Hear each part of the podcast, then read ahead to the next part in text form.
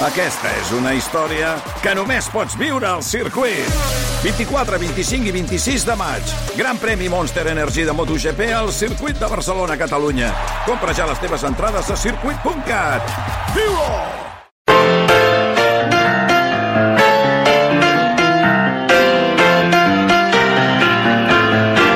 Bon dia, són les 6 i des d'ara i fins les 7, com sempre, aquí a la Primera Pedra, en serem molts amb moltes ganes de dir bon dia. La primera pedra, dissabtes i diumenges de 6 a 7 del matí. Amb Noemí Polls. One day in London City, a crew called C2C. They came to rock the party. Say what? Els darrers anys s'ha registrat un augment de casos d'infants i joves amb problemes musculoesquelètics que s'associen a vegades en l'ús d'eines digitals, principalment al mòbil i a postures inadequades. No obstant això, pot ser que aquesta associació sigui incorrecta i que aquestes afectacions, aquestes afeccions, tinguin el seu origen més en el sedentarisme, en la condició estàtica de la tecnologia i en uns mals hàbits de vida. Per tant, avui volem parlar de tot això i en parlem amb el Rafael Donat, que, Donat Roca, fisioterapeuta, docent del grau de fisioteràpia de la Facultat de Ciències de la Salut de Manresa. Benvingut, bon dia. Bon dia. Rafael, eh, per tant, ens passem el dia dient totes les dolències que ens provoca la tecnologia, però escolta'm, potser no és només la tecnologia, és que estem començant a viure d'una manera que no ens va bé per la salut en general, no? Tenim uns hàbits dolents. Sí, realment eh, has fet menció a la paraula clau, no? que és eh, el sedentarisme. No? És a dir, el, la dificultat que tenim avui en dia és que eh, per poder utilitzar la informació, tal com la tenim plantejada, ens obliga a estar quiets. I aquí està una mica el desllorigador, no? O sigui, al final, el fet de que eh, tu per poder consultar el mòbil o poder treballar un portàtil, tot i que hi hagi la portabilitat, tu quan has d'estar treballant o consultant la informació has d'estar quiet per poder capturar la informació i poder doncs, gestionar-la. No? I, I aquest és realment el gran enemic. Clar, moltes de les coses que ens passen també és que estem tot el dia amb el mòbil mirant, ara tu deies, es parla també del síndrome del coll de text, però aquest moviment del coll i del cap cap a mirar un, una cosa com el mòbil és exactament el mateix que es feia quan tenies un llibre al davant. Per tant, eh, fisiològicament la postura no canvia gaire, no? És exactament el mateix. És a dir, l'única diferència que sí hi ha, i això els oftalmòlegs, diguem-ne, sí que serien el, el, la professió que portaria llum, és purament el fet de, de la llum que emet el dispositiu electrònic, no? i que això sí que potencia la fatiga ocular, i això des del punt de vista de la fisioteràpia sí que tenim un increment de les cefalees no, uh -huh. secundàries a aquest fet. Clar. No? És a dir, que la fatiga d'uns músculs que estan destinats a poder ajudar-te a fixar la mirada doncs acaben generant sí una perpetuació de la musculatura de darrere del coll que fa que hi ha un increment puntual per aquest fet. És a dir, un, un dispositiu que emet llum, per molt que tingui pantalla protectora, sí que el que fa és fer una fatiga precoç respecte a un llibre. Però com tu has molt bé dit, si quan nosaltres ens posem a llegir, no? que és un molt bon hàbit, um, també si estem molt quiets al final ens fa mal al coll. Per mm. tant, tenim una societat que tant tant té la costum. Jo sempre dic que això ha de ser gent que deu tenir molt temps, no? que fabrica etiquetes diagnòstiques de coses que no existeixen. Per tant, això del TextNet, diguem-ne, és una invenció més, no? com haver-hi en el seu moment eh, eh, aquell, diguem-ne, bulo, per dir d'alguna manera, no? de que les eh, persones que treballaven a les caixes, Mm -hmm. doncs tenien una lipotròfia semicircular no? i que era per un camp magnètic que generaven, diguem-ne, els ordenadors. No? I això no era res més, diguem-ne, que una persona que és sedentària, si realment no fa activació de la musculatura glútia, doncs pot fàcilment, diguem-ne, si té una, un, ja una predisposició a fer cel·lulitis, era això i res més que això. Uh -huh. Per tant, al final, penso que com a professionals de ciències de la salut, hem d'intentar generar cultura on moltes vegades s'alimenta el pou de la ignorància. No? I, I això, en el fons, és dir, no hi ha relacions causa-efecte. No? No, no, hem d'intentar no emmalaltir la gent. És a dir, sí que i això comencem a veure, o sigui, els fisios que treballem en clínica ho veiem molt, que si tu poses tres adolescents amb el mateix ús del telèfon, amb la mateixa posició, un tindrà dolor i l'altre no. I quin serà el que no tindrà dolor? Doncs aquell que fa activitat física regular. És a dir, aquell noi o noia que realment, doncs, eh, aquella minuts de postura llavors en fa un altre o simplement es mou, doncs no tindrà cap conseqüència. Per tant, amb uns bons hàbits tot això es pot eh, evitar, es pot prevenir una mica. És a dir, Totalment. tenim la situació que tenim, treballem amb tecnologia, això no ho canviarem, sinó que anirà a més. Què fem? Com prevenim totes aquestes dolències que podrien ser provocades per això i per altres coses que siguin sedentàries? Com ho fem?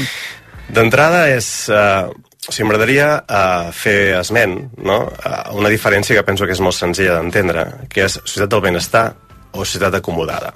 Mm -hmm. La societat del benestar és un concepte actiu, un concepte que implica ser, o sigui, participar i contribuir. I això vol dir, des del punt de vista de la fisioteràpia, que és el que ens agrada dir molt, és vincular-te al moviment. No? És a dir, si tu et mous, perquè el ser humà està fet per, per moure's, no per estar en quiets, doncs automàticament tota la infraestructura i tota la manera de gestionar-nos com a societat canvia.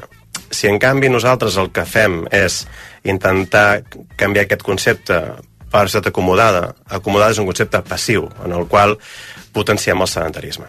Per tant, nosaltres el que sempre recomanarem és que hi hagi activitat física regular i que això es poden seguir les recomanacions de l'OMS, que sí que és veritat que moltes vegades, no, un àmbit com Barcelona o altres ciutats, diguem-ne, que no tenen zones verdes properes, doncs això de fer 10.000 passes o de, o de fer 150 minuts d'activitat, diguem-ne, a la setmana, a vegades per la pròpia no? eh, disposició o, o disseny de les ciutats es fa més difícil. No? Sabem que hi ha unes limitacions. Però la prevenció primària és mantenir-te actiu. Si tu fas exercici regular i amb coses que t'agradin, que aquí està la clau, això no passarà. Uh, L'exercici d'aquest quotidià, és a dir, si he de baixar dues vegades i sortir al carrer a comprar, doncs hi surto dues vegades. Si vaig a buscar no sé què, doncs hi vaig caminant. Si baixo una parada abans del metro, mm. podria ser una mica la salvació? És a I dir, activar-se i no mandrir-se amb el dia a dia? Totalment d'acord. És a dir, de fet, el que passa que no tenim aquesta... Uh, uh, o sigui, aquesta cultura no n'hi ha sigut. És a dir, uh, ostres, si hi ha cadires, ens, ens assentem en elles, no? És a dir... Si hi ha escales mecàniques, anem per les mecàniques i no per les que... I, i per tant no aquest són. concepte és anar com contra natura, no? És a dir, eh, ja hi ha hagut diferents campanyes promocionals d'intentar doncs, generar les escales fer-les atractives, eh, com posar, diguem-ne, no? Eh, eslògans a cada, a cada escala, a intentar, diguem, a cada graó, eh, fer, diguem-ne, com petits premis, diguem-ne, si a dalt no arribes fent-te tu eh, justament i no agafes l'escala mecànica. Per tant, des de, des de la, la salut, el que es preté és que et mantinguis actiu.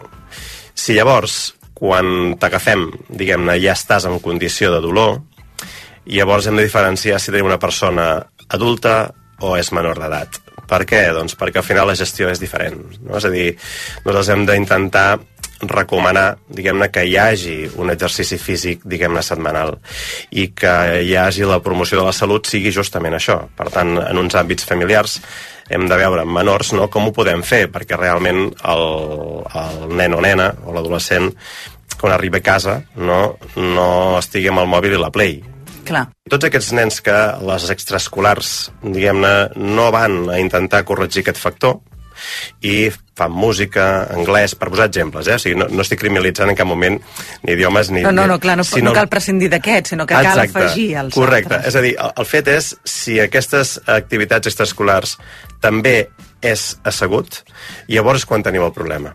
Doncs el nostre objectiu era aquest, avui enfocar-ho tot en el sedentarisme, que podríem dir que és el gran mal de les dolències més físiques, així a grans trets de la nostra societat d'avui dia, una societat tecnològica que això segur que no ho canviem. Segur que no. Doncs moltíssimes gràcies, Rafael Donat, fisioterapeuta, docent del grau en fisioteràpia de la Facultat de Ciències de la Salut de Manresa, i amb ell avui hem, hem volgut parlar d'aquestes, en principi, dolències de la tecnologia, però que també veiem que és més per causa del sedentarisme en general que no pas de la tecnologia. Moltes gràcies, com dèiem. Moltes gràcies a vosaltres.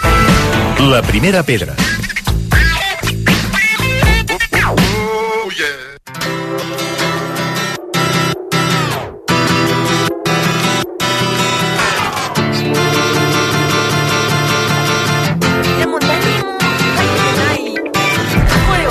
Qui digui que la filosofia està caducada, que les noves generacions no es prenen la vida en filosofia i no li donen interès en aquesta manera d'entendre la vida, doncs està molt equivocat, perquè avui volem parlar amb l'Anaïs Borràs, que ella és estudiant de filosofia i està acabant i ho està patant a xarxes eh, parlant de filosofia. Anaïs, bon dia, benvinguda. Hola, molt bon dia. Ens venia molt de gust parlar de filosofia amb els ulls d'algú molt jove com tu, que estàs acabant ara la carrera de filosofia, però que no va ser la teva primera opció. Per tant, No. com arribes tu al món de, de la filosofia? Molt bona pregunta.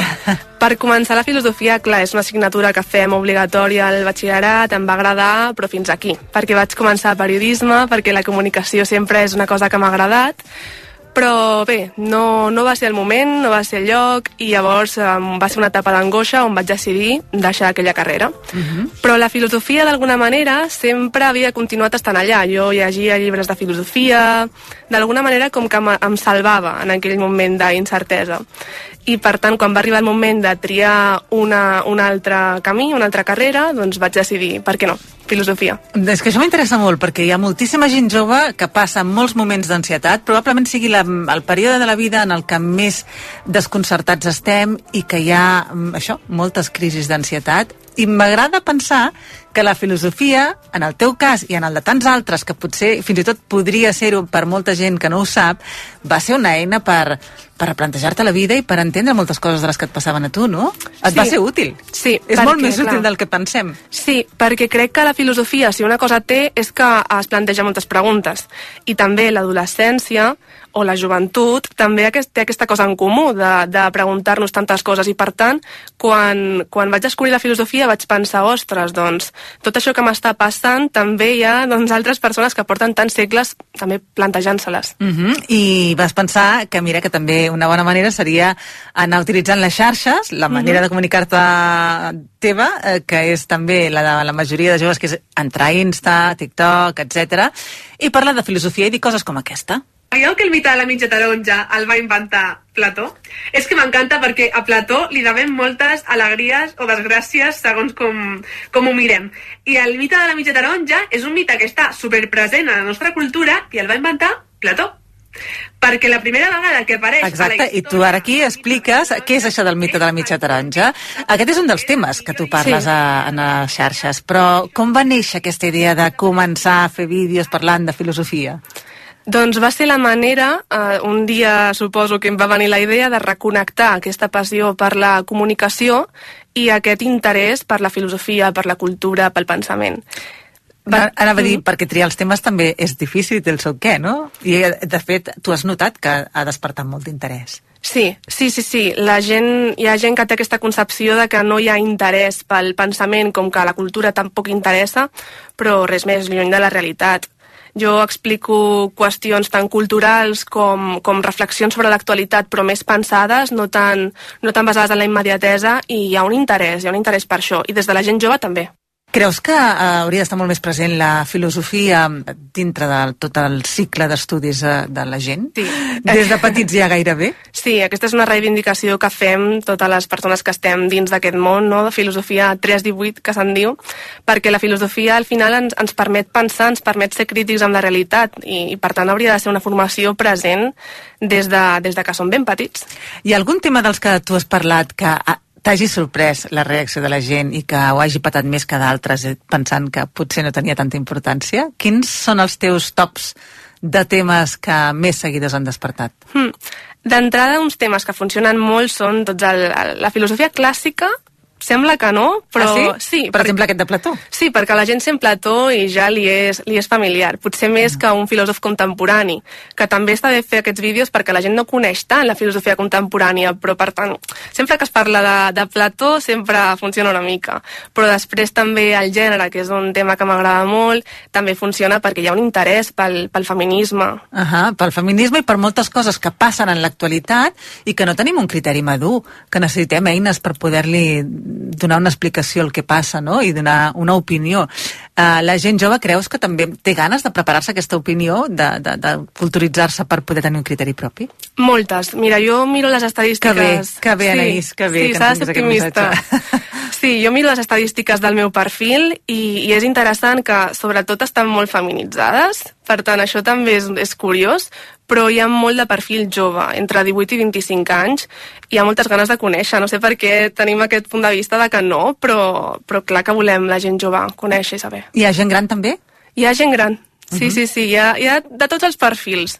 Hi ha molt de perfil de fins als 25 i després també, cap a, suposo que cap als 60, arriba un moment on també volem respostes. Ah, No sé si també ets de la generació que la sèrie televisiva Merlí us va afectar, és a dir, us va interessar, va ser a través d'aquí on te vas entrar també en aquest interès per aquest món?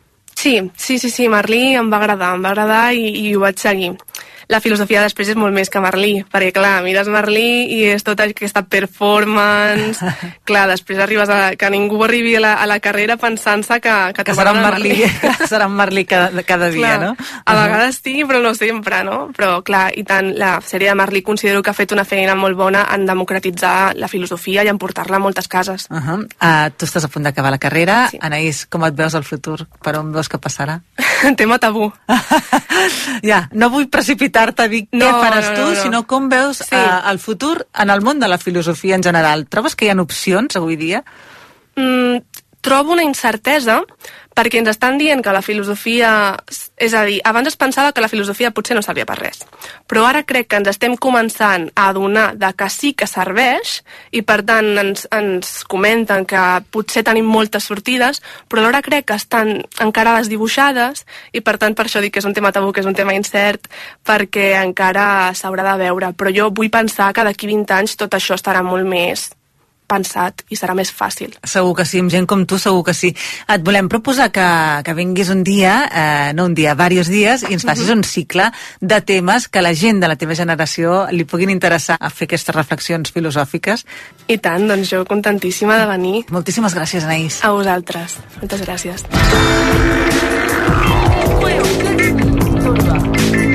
La primera pedra, dissabtes i diumenges de 6 a 7 del matí, amb Noemí Polls.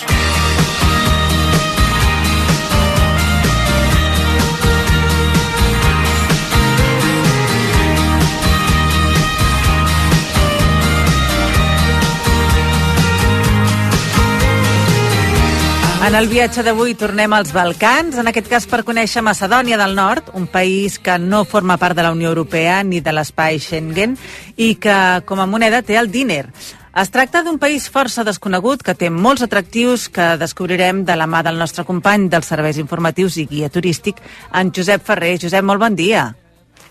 Hola, molt bon dia. Per començar, per què no ens situes una mica en aquest país? Doncs vinga, som-hi. Mira, Macedònia del Nord és un país que es va crear l'any 1991 en separar-se de l'antiga Iugoslàvia durant la Guerra dels Balcans. És un país que no té mar. Limita amb Sèrbia, Kosovo, Bulgària, Grècia i Albània. La població és d'uns 2 milions d'habitants, dels quals 700.000 viuen a la capital, Skopje. Com que no pertany ni a la Unió Europea ni a l'espai Schengen, per entrar i sortir del país necessitarem el passaport i també portar a sobre diners, que és la moneda del país. Alguns eh, curiositats del país, per exemple, els creadors de l'alfabet ciríl·lic, Ciril i Metodi, van néixer en aquest país. Té 34 muntanyes que superen els 2.000 metres d'altura. Té 300 dies de sol a l'any. Aquí hi ha les restes de l'observatori més antic del món. Té uns 4.000 anys. La cuina local té influències turques perquè durant gairebé 500 anys va formar part de l'imperi otomà. El licor més típic és el raquija, que pot tenir, fixa't, entre 40 i 60 graus. I potser per això és molt normal que a les festes la gent pugi damunt les taules per ballar. Doncs podria ser aquesta l'explicació, la graduació de l'alcohol. Escolta, Josep, per què s'anomena Macedònia del Nord? Mira, això té a veure amb un conflicte amb Grècia. Quan es va independitzar de l'antiga Iugoslàvia, es va anomenar Macedònia, però Grècia ho va rebutjar perquè es confonia amb la regió grega de Macedònia. Després de molts estira i arronses, finalment, al febrer del 2019, es va acordar que el país s'anomenaria oficialment República de Macedònia del Nord. Escolta'm, el nom de Macedònia, que és com anomenem la barreja de fruits, ve d'aquí? En certa manera, sí. Té a veure amb Alexandre Magne, que amb el nom d'Alexandre III va ser rei de Macedònia durant 13 anys. En aquest mandat breu, però intens, va formar un gran imperi amb barreja de molts pobles i nacions en diferents races, cultures, idiomes, costums i tradicions. D'aquesta amalgama, a la barreja de fruites en diferents textures i sabors, l'anomenem Macedònia, podria venir d'aquí. I ara que estem situats, comencem el viatge per on? Per la capital, Skopje, se la coneix com la ciutat de les mil estàtues, unes estàtues de grans dimensions dedicades a herois ducals i que trobarem per carrers, avingudes i places. El lloc on hi ha més concentració d'estàtues és el Pont de l'Art, on en trobarem fins a 29. La visita a Skopje la començaria per la seva fortalesa situada dalt d'un turó. D'aquesta manera podrem gaudir d'una panoràmica de la ciutat. Ja en el centre històric no ens hem de perdre la plaça central o plaça Macedònia, una zona molt agradable de passejar i lloc de trobada de la gent d'Escòpia.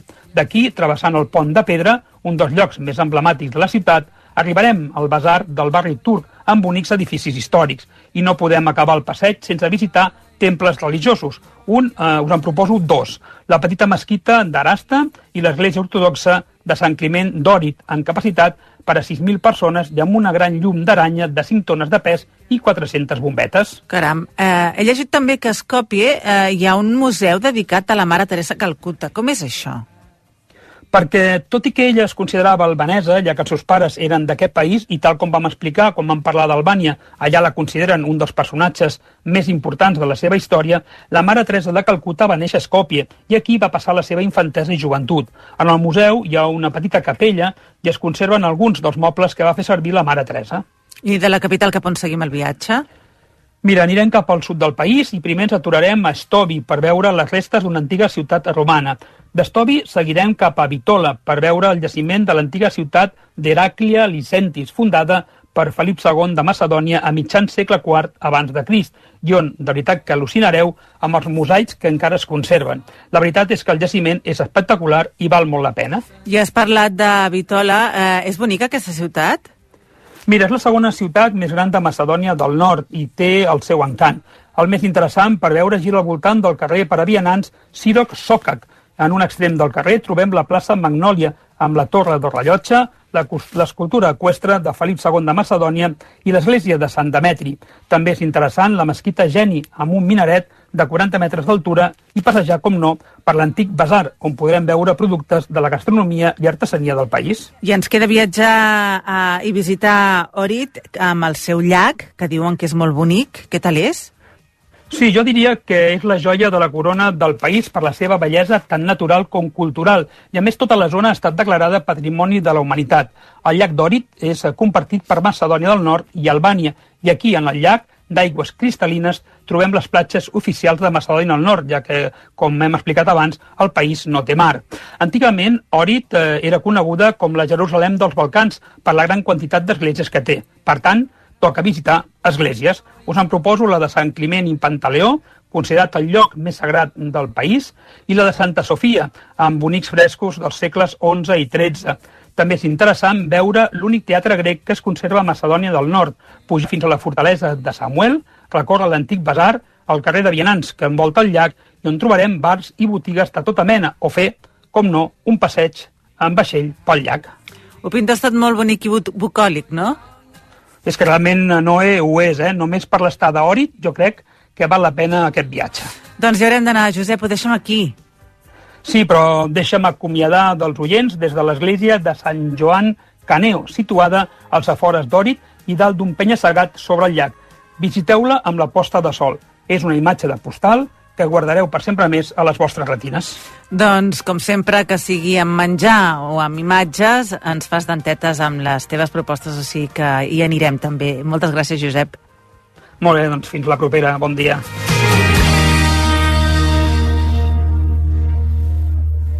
La primera pedra. I mentre preparem viatges pels dies de vacances que han de venir, volem gaudir del camí i en Jordi Margarit ens fa una proposta per fer una sortida a casa nostra. Bon dia, Jordi. Bon dia, Noé.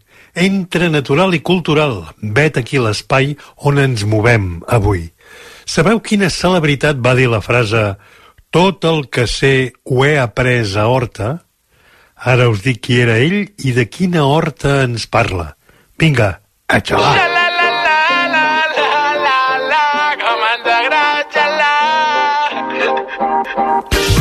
Som a la Terra Alta, un terreny dur i ferreny que ha viscut moltes atzagaiades. Al Parc Natural dels Ports i ens acostem al poble medieval d'Horta de Sant Joan.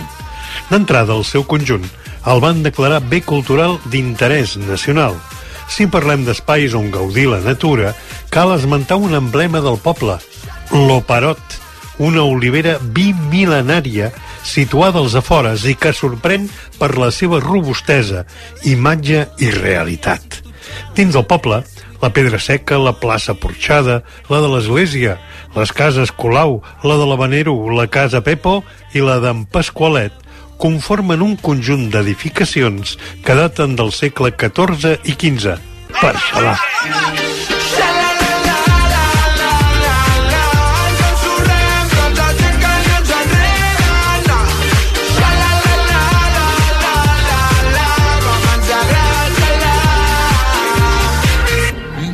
L'inici us he parlat de la frase «Tot el que sé ho he pres a Horta». La va dir Pablo Ruiz Picasso i va estar vivint en dos períodes a finals del segle XIX i principis del segle XX. És sabut l'afany del pintor per recórrer paisatges interessants pels colors, el dibuix de les pedres, les muntanyes, tot allò que provoqués una imatge singular en el seu pensament i també l'ajudés a definir la seva obra. Us podreu endinsar en el seu món visitant el centre Picasso de la localitat. Ah, i no oblideu el Museu de la Batalla de l'Ebre, imprescindible per posar al seu lloc pensament i coneixement. Aquestes són alternatives per gaudir a Horta de Sant Joan, una estada completa i molt agradable.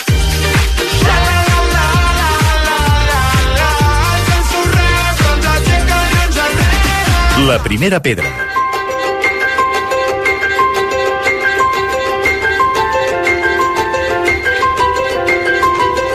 Nascuda a Santiago de Compostela el 31 de desembre de 1987, per tant molt jove, la novel·lista i poeta Berta Dàvila és una de les veus més prometedores de la literatura en gallec, aclamada tant pel públic com per la crítica. Ara l'editorial Les Hores ha traduït al català la seva darrera novel·la, La ferida imaginària, que surt simultàniament en castellà, en gallec i, evidentment, en català. Berta, bon dia, bons dies. Bon dia. Uh, amb la Berta parlarem en català. Suposo que l'entens, el català. Sí, sí. Sí, l'entens? Perfecte. Doncs fantàstic. Uh, també tenim a la Maria Sampere, que, que estem contents també de que ens acompanyi perquè és l'editora de les hores i, i la tenim com a editorial de referència per nosaltres. Maria, gràcies per ser-hi també. Ara parlàvem amb la Berta. És difícil obrir-se camí, tu creus, amb el món literari eh, en gallec? Perquè tu t'ha anat molt bé de moment, però creus que és més dur escriure en una llengua, com en el cas de la gallega, minoritària? Bueno, tiene sus propias particularidades, ¿no? No es lo mismo, digamos, eh, escribir en una lengua que tiene una hegemonía que no, en todos los aspectos, desde el propio trabajo con el texto, ¿no? Que tiene que siempre que tener en cuenta a lo recibirá, hasta pues eh, los problemas que pueden tener las industrias culturales de una lengua más pequeña, ¿no? Pero bueno, intento hacerlo con alegría, ¿no? Y no ser siempre, eh, digamos, ese discurso de estar siempre pensando en que todo, todo saldrà mal. No, home, és que la veritat és que no pots dir-ho, perquè t'ha anat molt bé, eh, tu has tret ja molta, tens molta trajectòria literària, Los seres queridos, Illa Decepción, Carrusel, amb, més de, amb menys de 30 anys, perquè ara ho dèiem també d'edat, ja tens tota una trajectòria, com dèiem, amb reconeixements, eh, el primer, el Biblos, el Premi Biblos, que suposo que això et devia obrir bastant camí, perquè és per menors de 25 anys. Hmm, aquel premio fue una experiencia eh, muy bonita, además fueron mis primeros editores de narrativa, ¿no? Y, y bueno, era un premio para mandar un proyecto de novela, ¿no? Ni siquiera una novela completa y luego tener la posibilidad de desarrollarla con un escritor consagrado, que en mi caso fue Agustín Fernández Paz, que era un, es un autor muy, muy popular, ahora ya, ya murió. Eh, que yo admiraba mucho porque había leído todas sus novelas juveniles con devoción y creo que eso fue lo que me decidió a intentar experimentar, escribir novelas, a ver qué pasaba. ¿no? En aquest cas era un reconeixement um, uh, que és per menors de 25 anys. Mhm. a, a partir de quina edat et vas posar a escriure? Creo que me recuerdo un poco siempre escribiendo y leyendo, ¿no? Lo que pasa es que cuando uno empieza a leer, cuando uno empieza a leer y a escribir sus primeros poemas o historias, yo tampoco lo hacía pensando en ser escritora ni similar. Quiero decir, fue surgiendo todo muy naturalmente, ¿no? Pues, pues certámenes juveniles o de instituto, algún primer premio de poesía eh, que me llevó a publicar un primer libro, pues este premio Biblos, ¿no? O sea, realmente no, no estaba nada pensado, fue un poco un... fue sucediendo. Ara estàvem comentant els premis eh, Manuel García Barros també, o Premi de la Crítica Espanyola en llengua gallega, tant en poesia com en novel·la. Eh, uh Mhm. -huh. Hi ha algun d'aquests àmbits que et sents més còmode? Quan escrius novel·la, quan escrius poesia? Vas alternant?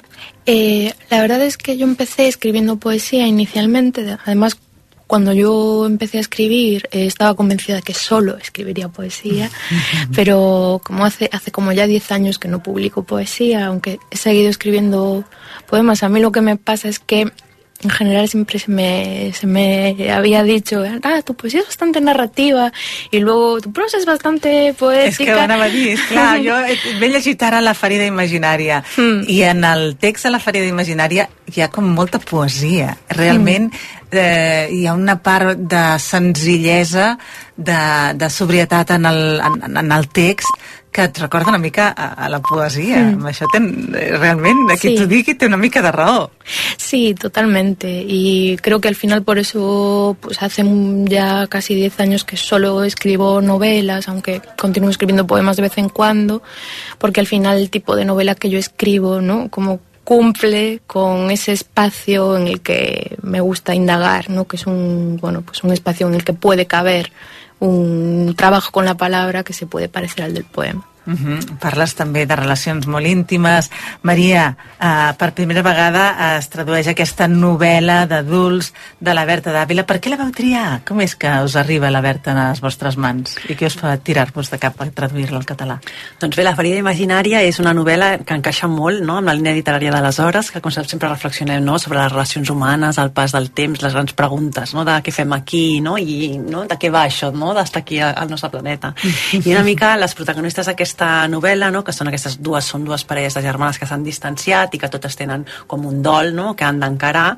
I bueno, mm, encaixava molt no, amb, amb aquesta concepció d'aleshores de fer-nos aquestes grans preguntes no, i intentar trobar bueno, mm, opcions o alternatives. Tampoc, no, de vegades tampoc són respostes no, però sí bueno, cap a on tira no, o quines opcions en el cas d'aquestes protagonistes han adoptat. I com deies, no, té una prosa preciosa, realment molt poètica i amb grans reflexions de fons no? i també voldria dir també bueno, un toc com també algun punt d'ironia de fons no? Vull dir, perquè Mm. realment no Sí, sí. i, no, no, és una història, no podem dir tampoc que és una història trista perquè és una història molt peculiar no? i és No, no, i molt transparent, eh, en la que, com dèiem, hi ha una relació també entre germanes. Es parla molt de les relacions familiars. Tu ja havies parlat de la relació mare-filla, que probablement sigui el cordó umbilical, trencar-lo, és una de les coses més difícils de gestionar emocionalment. Però també les relacions germanes, i en aquest llibre t'has volgut entretenir en això, no? en aquesta relació entre germanes. Per què? Mm.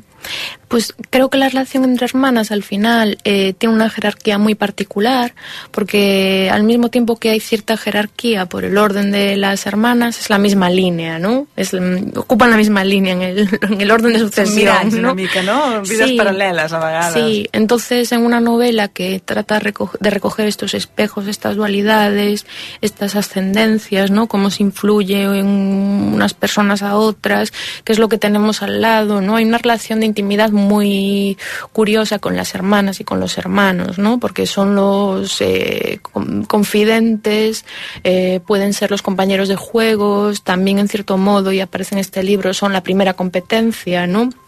cómo unos hijos se, re- se definen respecto a lo que son o no son los demás.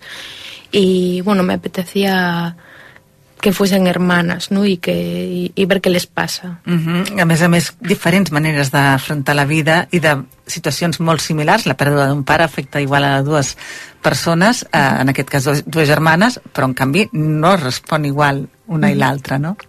Sí, yo creo que en muchos, en muchos mm, momentos en este libro em, lo que para una de las hermanas supone una herida, para la otra supone un consuelo, ¿no? O un, o un lugar donde encontrar un refugio de esa intemperie que, las, eh, que, está sobre todas ellas, ¿no?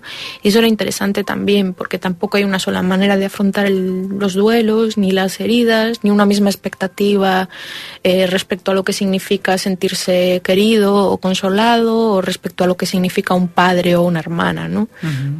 Valors molt comuns, com tu deies també, Maria. En aquest cas, la traducció d'Eduard Velasco, uh, què tal? Va costar pensar en qui podria traduir aquesta obra?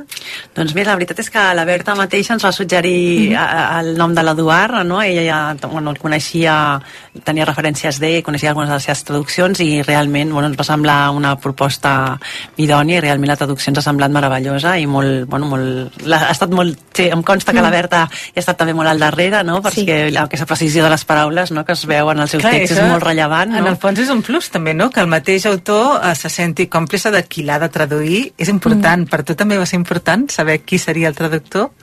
Sí, eh, creo que, que hay que confiar siempre en, en el traductor o en el, el ilustrador o la ilustradora de un libro, ¿no? Creo que a mí me gusta cuando trabajo en un libro en el que interviene otra persona, ¿no? Eh, confiar ciegamente en que hará su trabajo y no, no ser muy intervencionista ni demás. Entonces esperas un poco como eh, a ver qué pasa, ¿no?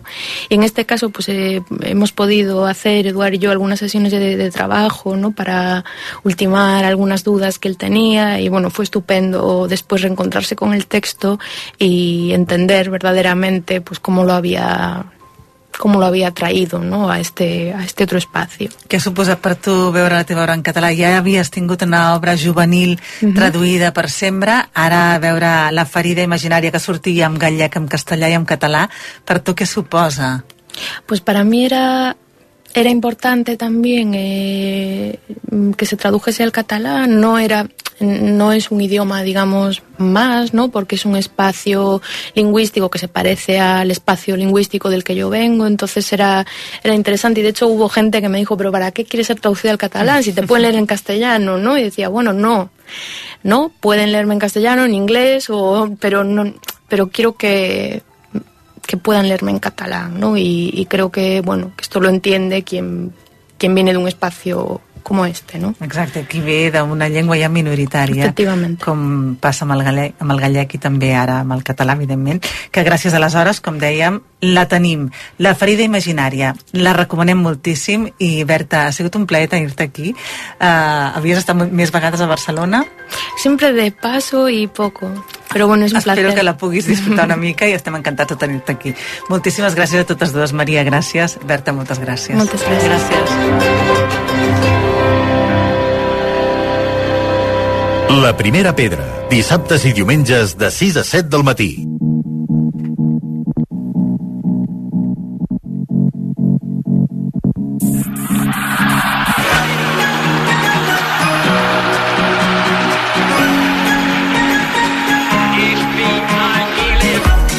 Aquest cap de setmana us recomano que us acosteu al carrer Diputació 48, eh, concretament a la Galeria Fotonostrum, a veure la història de l'ascens a la fama de dues icones dels anys 50, Marilyn Monroe i Elvis Presley, narrades a través de la fotografia. Com dèiem, està a l'espai Fotonostrum. Teniu temps fins al 24 de març, però ja podeu començar a anar-hi ara perquè es va obrir el 26 de gener. En parlem ara amb Leonor Fernández, que ella és comissària de l'exposició. Leonor, bon dia. Buenos días. Primer, eh, explica'ns una mica aquesta galeria, perquè no té molts anys d'història i és una sorpresa pels amants de la fotografia.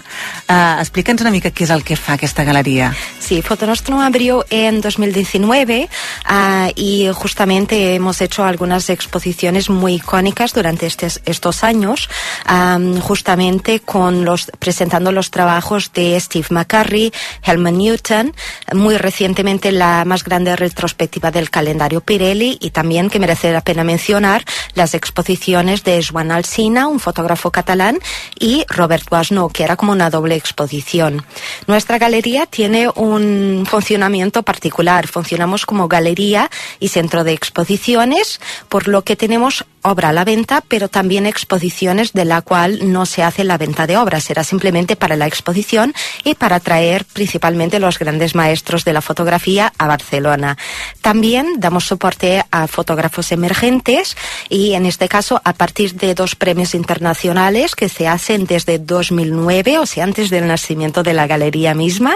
Y estos premios uh, se dedican a traer a Barcelona fotógrafos internacionales, así como los nacionales, originales, por supuesto, ah, que son reconocidos a través de los premios Julia Margaret Cameron o los premios Pollux. Uh -huh. Ara, en aquests moments, els premis seran més endavant i podrem veure aquestes obres de gent que comencen i que, i que estan arrencant en el món de la fotografia, però mm, ara, en aquests moments, podem veure aquesta exposició que per la gent mitòmana no té preu.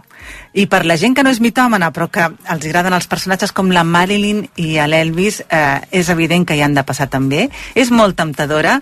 Una exposició que explica Explica'ns-ho tu. Es una exposición que tiene como título Becoming Marilyn y Becoming Elvis, o sea, convirtiéndose en Marilyn, convirtiéndose en Elvis, y trata justamente de los tiempos en que Marilyn aún era Norma Jean Baker y aún no era reconocida, mucho menos un icon del, del cinema, um, y en el caso fotografiada por André Dedin, que va a ser su amigo a largo de, desde su juventud, desde sus 19 años y hasta, hasta su fallecimiento en 62.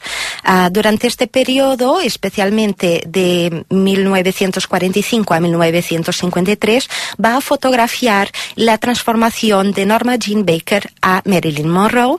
Y en el caso de la segunda exposición, Becoming Elvis, recoge un, un tiempo mucho más corto, son simplemente dos semanas, donde un fotógrafo, Alfred Wertheimer, va, vamos a decir, perseguir a Elvis durante un viaje que hace desde Nueva York hasta el regreso a su casa en Memphis. Durante este periodo, Elvis aún no era conocido uh, y podemos ver justamente cómo se movía uh, su día a día, ¿no? Desde uh, arreglándose para los conciertos, pero también comprando la comida en una estación de trenes, casi un trabajo de fotoperiodismo de estos tiempos en que Elvis Presley no era un icono de la música. Mm -hmm. Justament per això, perquè encara no eren icones, com després acabarien sent, són fotografies amb una naturalitat molt especial. Sí, una naturalidad y también una casi ingenuidad, sí. ¿no? Porque al final no ni Marilyn ni Elvis sabían lo que llegarían a convertirse, ni los mismos fotógrafos. O sea, sí que estaban interesados en estas figuras porque han visto algo en ellos que podía hacer algo de algo especial, pero realmente no nadie tenía idea de lo que llegarían a ser. I a més, grans fotògrafs, com són tots dos en aquest cas, ¿no? Sí, son dos fotógrafos uh, principalmente reconocidos en los Estados Unidos, donde vienen estas fotos, que vienen por parte de Mus Collection, una colección y un archivo fotográfico que está en Nueva York y que cuida justamente de preservar a estos fotógrafos reconocidos y a su archivo fotográfico. Y podemos agradecerles traer esta exposición a Barcelona. I escolta'm, si algú que vulgui comprar una d'aquestes fotografies, estan a la venda algunes d'elles están a la venta. Gran parte de ellas, las fotografías son vintage, originales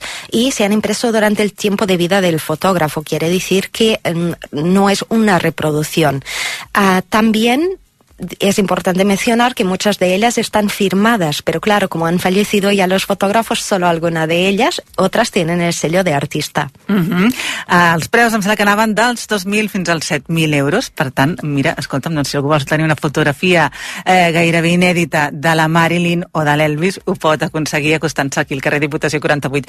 Però és que no us heu quedat només en el món de la fotografia, sinó que era evident que l'Elvis despertaria passions i heu arribat a, aconseguir que el club de fans de l'Elvis també utilitzi l'espai per fer alguna cosa, ¿no? Sí, el club de fans de Elvis han sido una una buena colaboración que hemos logrado uh, y además siempre muy disponibles. Les agradecemos mucho toda la divulgación que han hecho sobre el proyecto y que han, han organizado ahora un concierto que va a ocurrir en nuestro espacio el 9 de marzo. Será una actividad que va a incluir primera parte un, un DJ que va a, a, pinchar música de Elvis, por supuesto, uh, también un discurso de un especialista de Elvis y entonces finalmente el concierto tributo que será el 9 de marzo de 8 a 11. Home, doncs jo crec que la cita és obligada per aquells que els agrada l'Elvis i per als que els agrada la fotografia, pels que els agradi també la Marilyn, perquè s'acostaran i veuran aquesta exposició, i per tots els amants d'aquests dos grans personatges en general.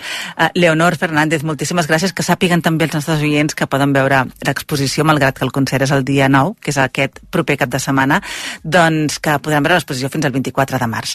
Leonor, com deia, moltíssimes gràcies per haver estat aquí. Muchísimas gracias a ti, Noeli.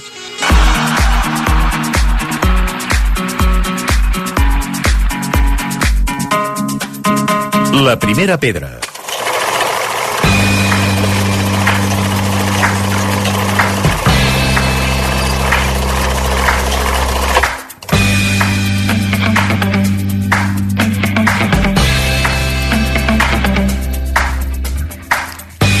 Joan Maria Morros, què tal? Com estem? Molt bé, bon dia. Bon dia. Escolta'm, anem al cinema, no? Sí. Sí. I què? Què? ens agradarà... Perquè ens, falta, ens faltaven algunes pel·lis pels Oscars i el temps se'ns està tirant a sobre perquè Sí, ja saps que la gala de lliurament és d'aquí de demà en 8. De demà en vuit, Um, I aquesta està bé. Està molt bé. Nominada? Dir, Moltes nominada a la, nominacions? a, la, a la millor pel·lícula internacional, és a dir, Mm. una. Però, però està molt bé. T'ha sorprès gratament. Sí, t'haig de dir que anava també, és a dir, no em mandra, però amb una certa eh, prevenció, de fet, està als cinemes des de ja fa unes quantes setmanes, i sempre saps allò que tries, doncs no, aquesta no, anem, anem a mirar una altra. Però sempre estava allò a la L'anaves a recàmera reconèixer. i... L'anaves arraconant fins i que has anat. Sí, però està, està molt bé. El que passa que sí que et diré que has d'anar preparat per estar en una pel·lícula eh, tranquil, sense que passin Grans diguem, coses. en acció, però sí que passen moltes coses que fan pensar i fan pensar molt. Es diu Perfect Days. この世界は本当はたくさんの世界がある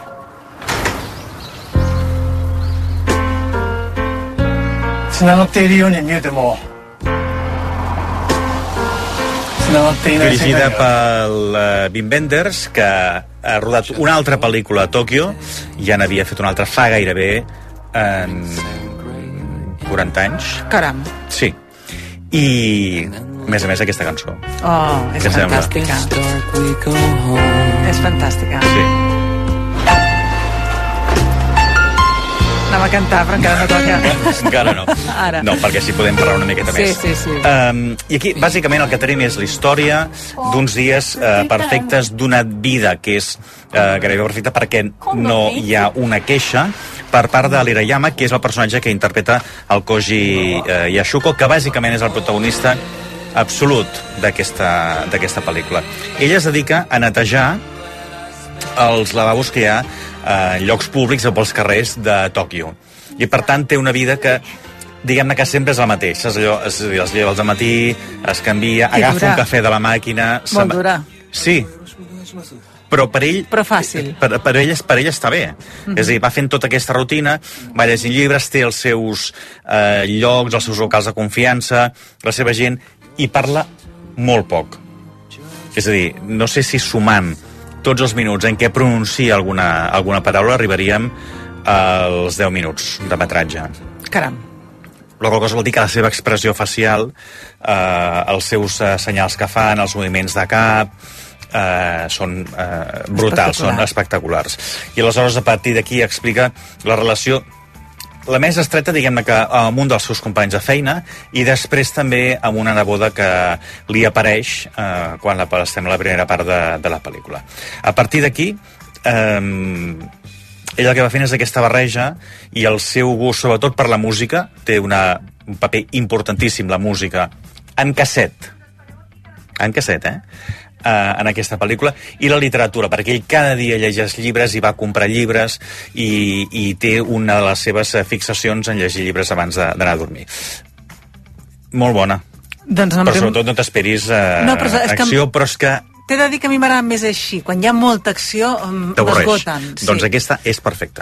I a més- Com diu el títol de la pel·lícula. Clar, Perfect Days. Sí, doncs Perfect senyor. Film. Sí, sí, exacte, doncs ja tenim, ja el tenim, ja el tenim. I ja veurem què és el que passa eh, la setmana que ve amb les, Clar, amb a les veure, nominacions. a veure, què, la veus guanyadora? Eh, és que clar, és que té, unes, eh, té una rival que és bastant, bastant, Sí. bastant forta. I a veure què passa. Però sí, i en- encara ens en falta una que eh, suposo que en parlem la, la setmana que ve.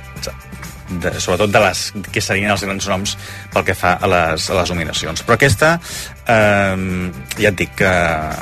És a dir, Encara pot, pot, pot agafar... Sí, el, el veritat és que el cartell de la pel·lícula també ja és molt, molt aclaridor i molt, i molt definidor, però és que és per eh, disfrutar-la a minut a minut amb les històries que passen i sobretot que després et fan pensar una mica no? Mm. és a dir, que per ell tot això que t'he explicat és, la, és, és un dia perfecte a no sé que surti alguna coseta Ah, que segur que surt. l'has d'anar a veure, dona Doncs sí, sí, L'hem d'anar a veure. L'hem d'anar a veure. Doncs uh, jo no, que ja l'he vista Demà, sèrie televisiva. Sí, riurem. Riurem. Què et Ai, sembla? que bé, que em sembla fantàstic. Doncs Sí? mira, ja et convoco per demà. Sí. Ah, Mira, ja com- ja començo a riure perquè si, si et digués... Doncs mira, que n'estic veient una ara, que parlem d'aquí unes quantes setmanes, que... Que no rius. Zero. Ai, no, no, doncs comencem per la de riure. D'acord. Fins demà. Adéu.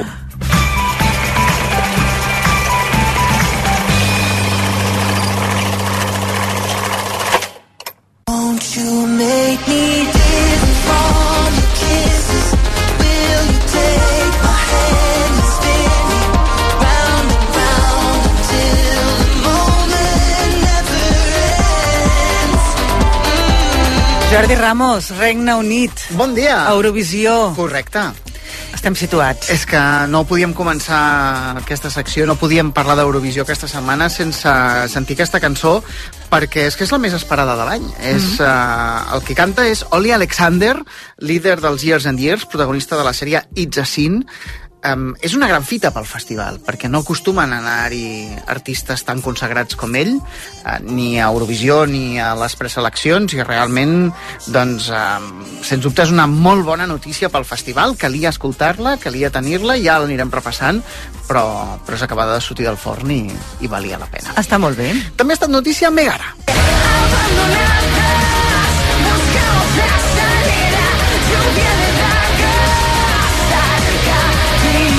el recordes? Eh, doncs mira, sí, n'havies parlat tu ja aquí. Correcte, més van ser finalistes del Benidorm Fest de l'any Sí, senyor. passat. Doncs agafa't fort, Noemi, perquè seran els representants de San Marino. De San Marino? Sí, i amb aquest tema. És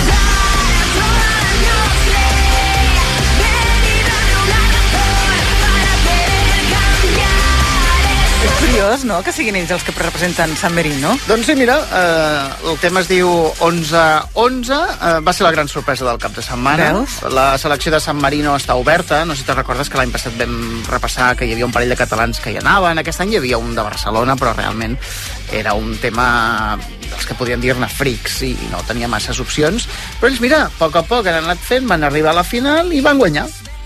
I, clar, realment va haver-hi una explosió d'alegria entre el món eurofan espanyol que no t'explico. Home, mira, és I- com si tinguéssim un representant més, quasi, no? Sí, bé, i ells estaven platòrics. A més, ara és un gran moment per aquest tipus de música. Eh? Mira què em va dir el Robert, el guitarrista del grup. no solamente hay más propuestas, sino que eh, además la buena acogida que están teniendo y ahí están los, los primeros puestos de unos Lordi o unos Maneskin eh, en el festival o puestos muy altos que han conseguido bandas de, de- de rock duro. Entonces, para nosotros eso mm, eh, nos abre también un campo de posibilidades, eh, por supuesto, que, que son maravillosas. A més que això també els permetrà donar-se a conèixer per tota Europa. Ell em va dir literalment que per ells Eurovisió ho era tot ara mateix. I, no sé, francament, a mi em fa il·lusió veure gent que fa realitat els seus somnis i farà molta gràcia veure'ls a Malmo, també. Mhm, però hauran de competir amb la zorra, no? Exacte. Però sembla que no els importa gaire. no tenemos la mentalidad de competición ni contra Nebulosa ni contra ninguno. De verdad que estamos disfrutando tanto esto y consideramos que va a ser disfrutar tanto para nosotros es ir, mm, disfrutarlo, dar lo mejor de nosotros, eh, dar todo lo que sabemos y lo que tenga que venir vendrá. De 13 vegades que ha participat San Marino, només ha passat de la semifinal 3 cops i la millor posició va ser un 19è lloc. T'ho poso en context Ai. per veure d'on partim. Mm, Bueno. Des d'aquest punt de vista no tenen fàcil, però igual sedueixen. Veurem. Sí. Digues, Deixa'm explicar-te més coses. Sí, tant.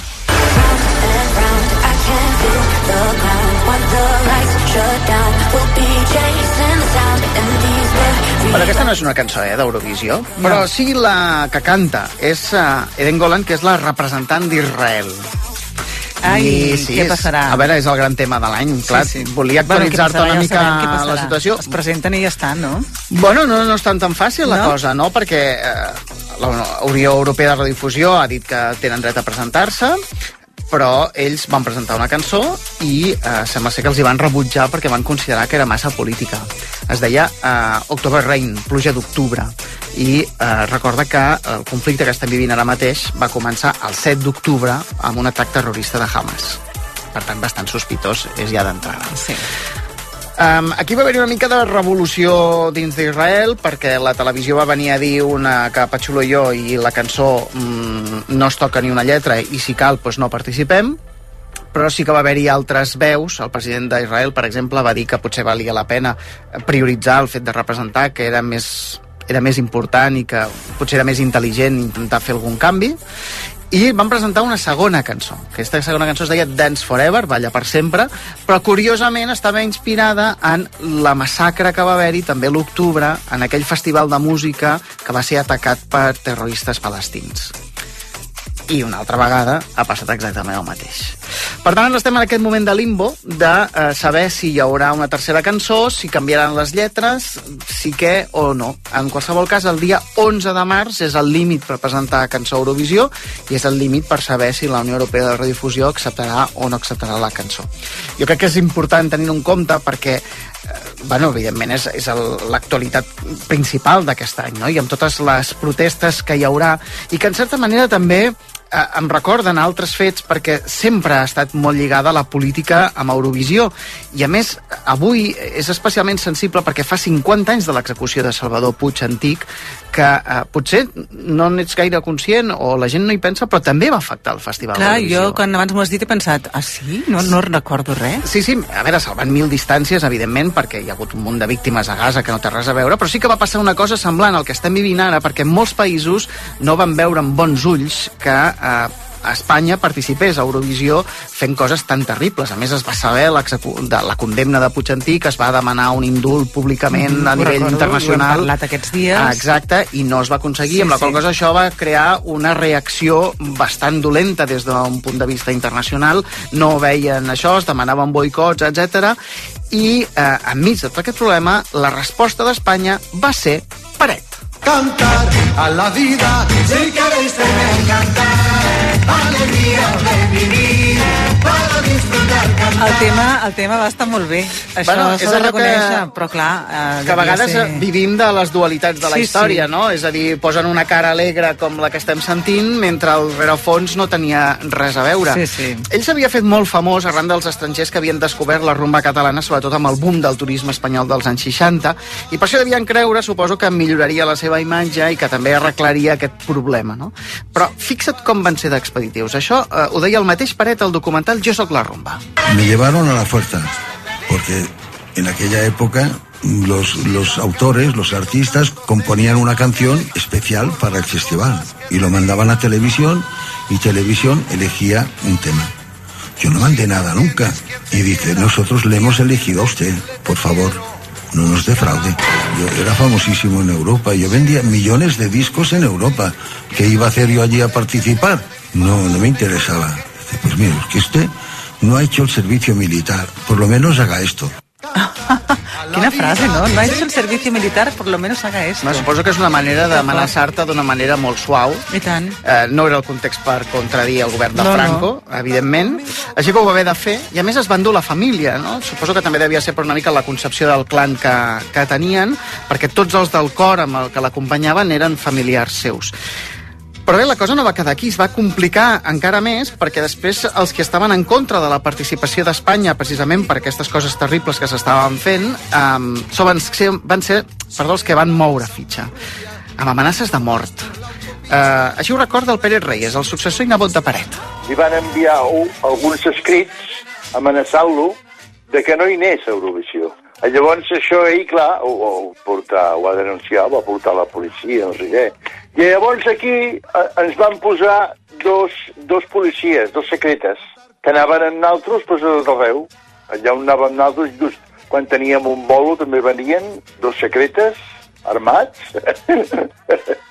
Inclús quan sortíem d'Espanya, quan arribàvem al, al, al país, doncs a Itàlia, a França, a Alemanya, a qualsevol país, venien dos secretes, no, un, un, un secreta de l'Interpol, que estava també tot el dia amb nosaltres. I això no us va generar por en algun moment?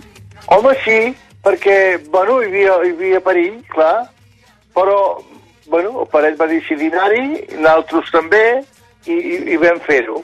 I vam fer-ho, mira. cantar a la vida. I vam fer-ho, i vam fer-ho. I vam fer-ho, fins i tot es va filtrar al cap de molts anys que Peret anava amb pistola. Li van donar permís per poder-hi per poder anar. Va quedar novè, novè de 17, um, no, de 10, perdó, amb 17 punts. Um, els mitjans van criticar que la cançó no era prou espanyola, que per això no va guanyar. També val a dir que qui va guanyar va ser ABBA i que aquell any també participava Olivia Newton-John, vull dir que fàcil no era.